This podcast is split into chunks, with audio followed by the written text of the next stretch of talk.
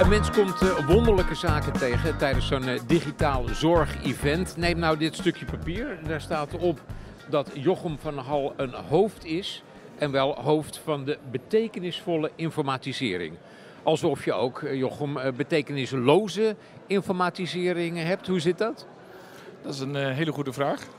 Uh, je hebt uh, allerlei soorten informatisering, maar de naam van het bedrijf is niet voor niks zo gekozen. Uh, het is inderdaad de bedoeling, en dat is een soort subtitel, als het niet betekenisvol is, informatiseer het dan niet. Oftewel, gebruik dan iets anders. Doe eens een voorbeeld. nou, toevallig het onderwerp van waar wij ook voor zitten, zeg maar de overdracht. Uh, er zijn mensen die terugverlangen naar de papieren overdracht in plaats van de e-overdracht. In, de... in de zorginstelling, hè, hier heb je een papiertje met een overzicht van hoe de afgelopen acht jaar met uh, acht dagen, acht uur, acht seconden met de patiënt is gegaan. Ja, en dat is denk ik op zich een goed idee als je daar iets IT-erigs tegenover wil zetten. Als het sneller, beter en fijner werkt. Betekenisvoller is. Ik hoef jou niks uit te Wij leggen. verstaan elkaar. Ja. Juist. Met wie heb ik verder het genoegen? Jurgen de Bree, aangenaam. Ik uh, werk voor Thebe, dat is een zorginstelling. Ik werk als uh, informatieadviseur. Uh, ja, daarin leg ik eigenlijk meer de, de link tussen de, het vak en de informa informatica kant en ja. zorgtechnologie en dergelijke. Daarvoor heb ik twaalf jaar als wijkverpleegkundige gewerkt. Okay. Dus veel gewerkt met de overdracht. welke patiënt of cliënt blijft jou bij? Aan wie denk je nog wel eens terug? Oh, ik heb nooit één specifieke cliënt eerlijk gezegd. Nou, doe er toch eens een. Maakt me niet uit, hoeft niet duur met hoofdletters te zijn. Maar... Wat, wat vaak veel indruk maakt is uh, palliatieve cliënten. Dus mensen die gaan sterven. Ja, die echt in het laatste stadium van ja. hun leven zijn. En hoe betrokken uh, was of ben je daar dan bij? Uh, het ligt er een beetje aan of je, of je eerst verantwoordelijke bent geweest voor die uh, patiënt of cliënt. Uh, als je dat bent, dan ben je zeer betrokken. En dan heb je echt alle contacten met de familie en ja. met de cliënt zelf. Ze zeggen wel eens in de oorlogsjournalistiek hè, over fotografen... je kunt niet met een traan in je ogen scherp stellen. slaagde jij erin om je emoties buiten de deur te houden in zulke situaties? dat denk ik wel. Maar ik zal vast wel eens een traantje gelaten hebben bij een cliënt. Ja. Uh, waarom zit jij nou naast uh, dat hoofd van die betekenisvolle informatisering? Ja, nou ik ben al betrokken geweest bij de e-overdracht uh, in het beginstadium van hoe gaan we dat nou eigenlijk inrichten. Maar ehm, ik heb natuurlijk aan mijn kant van het vak heel erg gemerkt van hoe, hoe, ging de fysieke overdracht? Ja. Hoe gaat die eigenlijk nog steeds?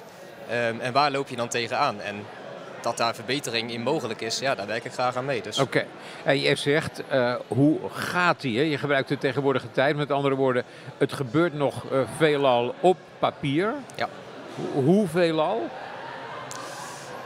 Um, nou, als we de, de overdracht via de mail meerekenen, wat eigenlijk ook een soort van papieren versie okay. is, want je print hem vaak uit ja. of je neemt het alsnog over. Ja, dan is dat uh, 90 procent, denk ik. Vandaag ja, de dag nog? Ja, laten we misschien wel zeggen 100%, want de e-overdracht bestaat nog niet. Ja. En wat vaak nog gebeurt is dat een cliënt of een patiënt uh, een fysiek papiertje meekrijgt uh, van de ja. zorgverlener vanuit het ziekenhuis bijvoorbeeld. En uh, die nemen het mee naar huis, zodat wij het vervolgens ja. kunnen inzien en kunnen overschrijven. Jochem, leven jullie nog in het stenen tijdperk of is dit een uitzondering? hoe representatief is nou eigenlijk deze illustratie? Uh, ik denk dat deze uh, illustratie heel representatief is. Maar jouw... Het gebeurt veel vaker nog zo. Het gebeurt veel vaker, maar jouw eerste stuk leven we nog in het stenen tijdperk. Dat is denk ik niet zo, zeg maar. Uh, maar het is uh, erg ingewikkeld om iets wat heel eenvoudig lijkt. Namelijk bijvoorbeeld bij e-overdracht. Het woordje e ten opzichte van de gewone overdracht is relatief simpel. Maar in de dagdagelijkse praktijk in het zorglandschap van Nederland blijkt het wel echt heel erg ingewikkeld soms is het ook ingewikkeld, soms is het ingewikkeld misschien gemaakt. Uh, sorry, om het uh, netjes over te dragen. Uh, wacht even, we verplaatsen ons naar een, een bejaardencentrum. En, en, en, en daar staat iemand en, en die, die moet aan een collega de boel overdragen. Ja. wat is er dan ingewikkeld aan om dat op een E-manier te doen? Nou, misschien we, mogen we eerst even laten zien hoe het dan ouderwets in het stenen tijdperk eruit zag? Ja, eh, is dat, dat de mogelijkheden? Ja. Dat kunnen we even laten zien inderdaad. Ik zal het even doen. Doen wij dat even samen. Zeg maar, wij gaan het nu overdragen ik, in een, ik begrijp dat ik een toneelstuk te zien krijg met echte realiteitswaarde. met een hele duidelijke realiteitswaarde. Want Ja. de eh, gewone zorgoverdracht is relatief eenvoudig. ik ga het meemaken. We pakken een zorgleefplan en we doen het volgende. Tussen mij even als arts van Centrum A en arts van Centrum B. Kijk eens Jurgen, alsjeblieft, over mevrouw Verhoeven. Hier staat alles in wat je nodig hebt. Dan ga ik het doornemen, dankjewel. Alsjeblieft, ik zie dat je Jurgen de Bree bent, ik zie dat je arts bent, ik zie dat je daar werkt. Geregeld. Ja. Waarom wil je dit zo doen? Eh, omdat de E-overdracht, en nou heb ik jammer genoeg wel mijn telefoon daar laten liggen. Ja, dat moet je dan niet doen natuurlijk. Dat had ik niet moeten doen, maar ik ga hier toch even Ja. met een fictieve telefoon zitten. Dan doe ik het zo. En als ik nu hetzelfde wil doen, Ja. overdracht, nu E-overdracht, dan zitten wij niet naast elkaar, zeg maar even. Dat is al één ding. Dus ik Ja. kan niet zien wie er zit. En niet dat dat Jurgen de Bree eh, Ja. in dit geval is. Dan doe ik hier allerlei overdrachtsdingen, zou ik maar zeggen. En dan gaat het dus niet zo, want dat was de gewone overdracht. Maar dat verdwijnt als het ware in het grote niets. En om ervoor te zorgen dat we dan uiteindelijk in de E-manier weten wie het is, dat hij dit in mag zien, dat het echt over die patiënt gaat, dat er geen fouten zijn gemaakt.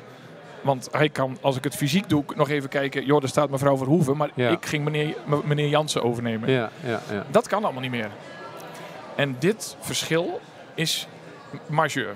Mhm. Ja, eh, maar eh, ik ben natuurlijk een leek en Ik denk de dan, als dat risico aan die nieuwe manier vastzit, waarom dan zou je het dan niet beperkt houden tot de oude manier? En dat is het antwoord op de vraag die je eerder stelde, zeg maar betekenisvol informatiseren. We hebben eh, een filmpje gebruikt van de inzichtregeling. Dit overdragen gebeurt 460.000 keer per jaar.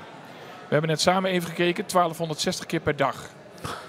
En dan het woord denk ik even aan Jurgen over hoeveel tijd of hoeveel moeite het dan kost om in plaats van de E-overdracht, druk op de knop en meneer of mevrouw Verhoeven is over, hoeveel moeite dat kost om die 460.000 keer op papier te doen. Nou, dat is misschien een mooi moment om even Ja, vertel. Eh, ja, nou in de eerste plaats de, de, de, de brengende kant, die gaat het ehm, eh, eerst helemaal opstellen. Dus die moeten vanuit hun dossier alles overschrijven. Ja. Laatste rapportages bijvoorbeeld bekijken en daar een samenvatting van maken. Moeten het versturen. En de ontvangende kant, die moet het vervolgens weer inlezen, Ja. eh, overnemen, overtypen. De urenteller maakt, eh, hè, Die eh, maakt zich druk. ja. Ja. Dus? Dus als het op die manier zo snel zou kunnen straks met één druk op de knop en het landt vanzelf in jouw dossier Ja. vanuit de verzendende kant. Ja, dat eh, de, in Nou, hoe los je dan dat ene nadeeltje, wat jullie zelf benoemden, op? Dat het misschien niet ging om meneer Van der Hoeven, maar om mevrouw Jansen of andersom, daar wil ik vanaf zijn. Hoe handel je dat aspect dan? Ja, Ja, alle problemen gaan. Al- Joh, ja. Ik ben de uitvoerende kant. Ja. Nou ja, niet, gelukkig niet alle problemen, maar Jochem denkt vanuit het bedrijf betekenisvol informatiseren Ja. wel al heel lang na over hoe je dat wel zou kunnen doen. Ja.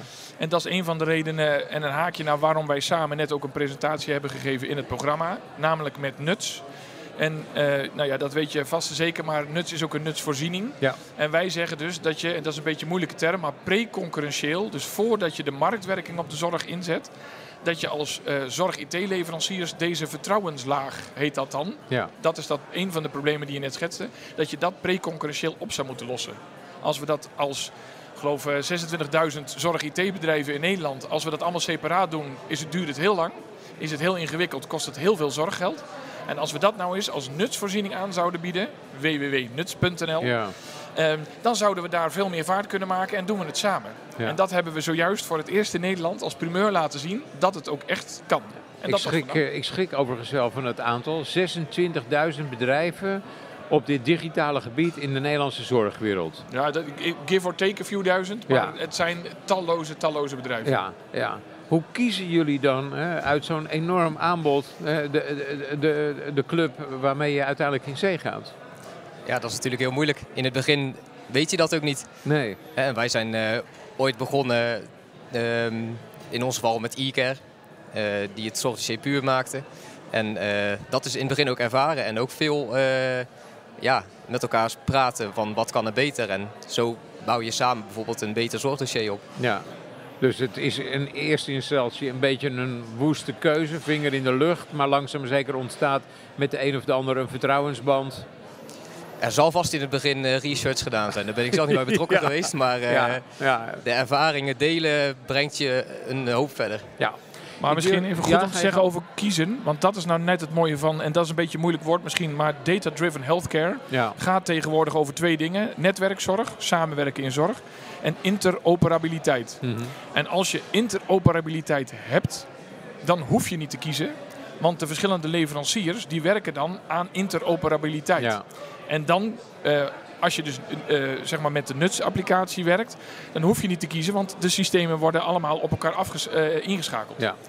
En dat is voor denk ik de Nederlandse zorg cruciaal, omdat je dan niet, en dat heet dan vendor lock-in, dus als het goed gaat, zoals net geschreven, dan leer je samen en betaal je een mooi bedrag en kan je allebei verder.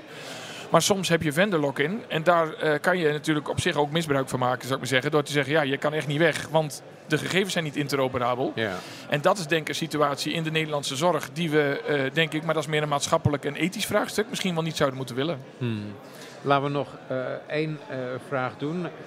Jullie mogen zomaar iets veranderen op dit terrein dat al een tijd helaas niet verandert. Maar ik stel jullie in staat om dat te doen, eh, simpelweg omdat ik zeg dat het kan. Heerlijk is het af en toe om interviewer te zijn. Wat zou je veranderen als het inderdaad voor mij mocht en kon en als ik ertoe in staat stelde? Waar, denk je, zouden je vingers zich onmiddellijk naar uitstrekken? Ga ik eerst even de inhoud van zorg het woord Ja. geven. Ja, voor mij zou dat inderdaad de doelstelling zijn die we nu willen bereiken. Dat is eh, met één druk op de knop en alles wordt overgedragen, land vanzelf in het dossier van de cliënt aan de ontvangende kant. Jij wilt echt al een tijd daarheen, maar zover zijn we nog niet. Ja, daar komt het neer. Hoe ver daar vandaan zijn we, denk je? Nou, zoals ik het nu begrijp zitten we echt nog aan het begin. Dus Echt? nu kan gestructureerde data en met name persoonsgegevens Ja. makkelijk overgedragen worden. Maar heel zorginhoudelijk is het op dit moment nog niet nodig, heb ik begrepen. Dus Oké, dus jij, jij weet, die ideale situatie die ik wens, dat, dat zal nog een aantal jaren verderop liggen. Dat is de verwachting volgens mij, ja. Ook jouw verwachting? Voor dit specifieke punt eh, denk ik dat we vandaag echt een mooie stap gezet hebben. Ik hoop dat het een jaar is. Hm. En ik verwacht twee jaar. en ik vrees eh, nog iets anders. Ja. Maar ik heb een ander antwoord op de vraag die je stelt. Doe maar. Ehm, ik noemde hem eigenlijk net al. Ik zou met een eh, soort eh, magische toverstaf eh, willen tikken op deze tafel om te komen tot echte netwerkzorg. Onder één zorgwet. Waardoor de financiering en de juridisering van het Nederlands zorglandschap, niet datalandschap, maar zorglandschap, weer bij elkaar komt. En waarin, zo snel als ik nu praat, wijkteams, huisartsen, thuiszorginstellingen, ziekenhuizen in een netwerk van zorg samenwerken met de patiënt centraal. Ja. Dat zeggen we heel veel. Ook vandaag heb ik het een aantal keer gehoord. Ik zou het echt heel graag morgen, niet een jaar of twee jaar, maar Nee. morgen gerealiseerd willen zien. Eh, we sturen dit linkje hè, met deze gedachtenwisseling per omgaande naar de dienstdoend minister. En zeggen, zorg dat dat in no time voor elkaar komt. Fijn dat jullie er waren. Hoi. Graag gedaan. Dankjewel.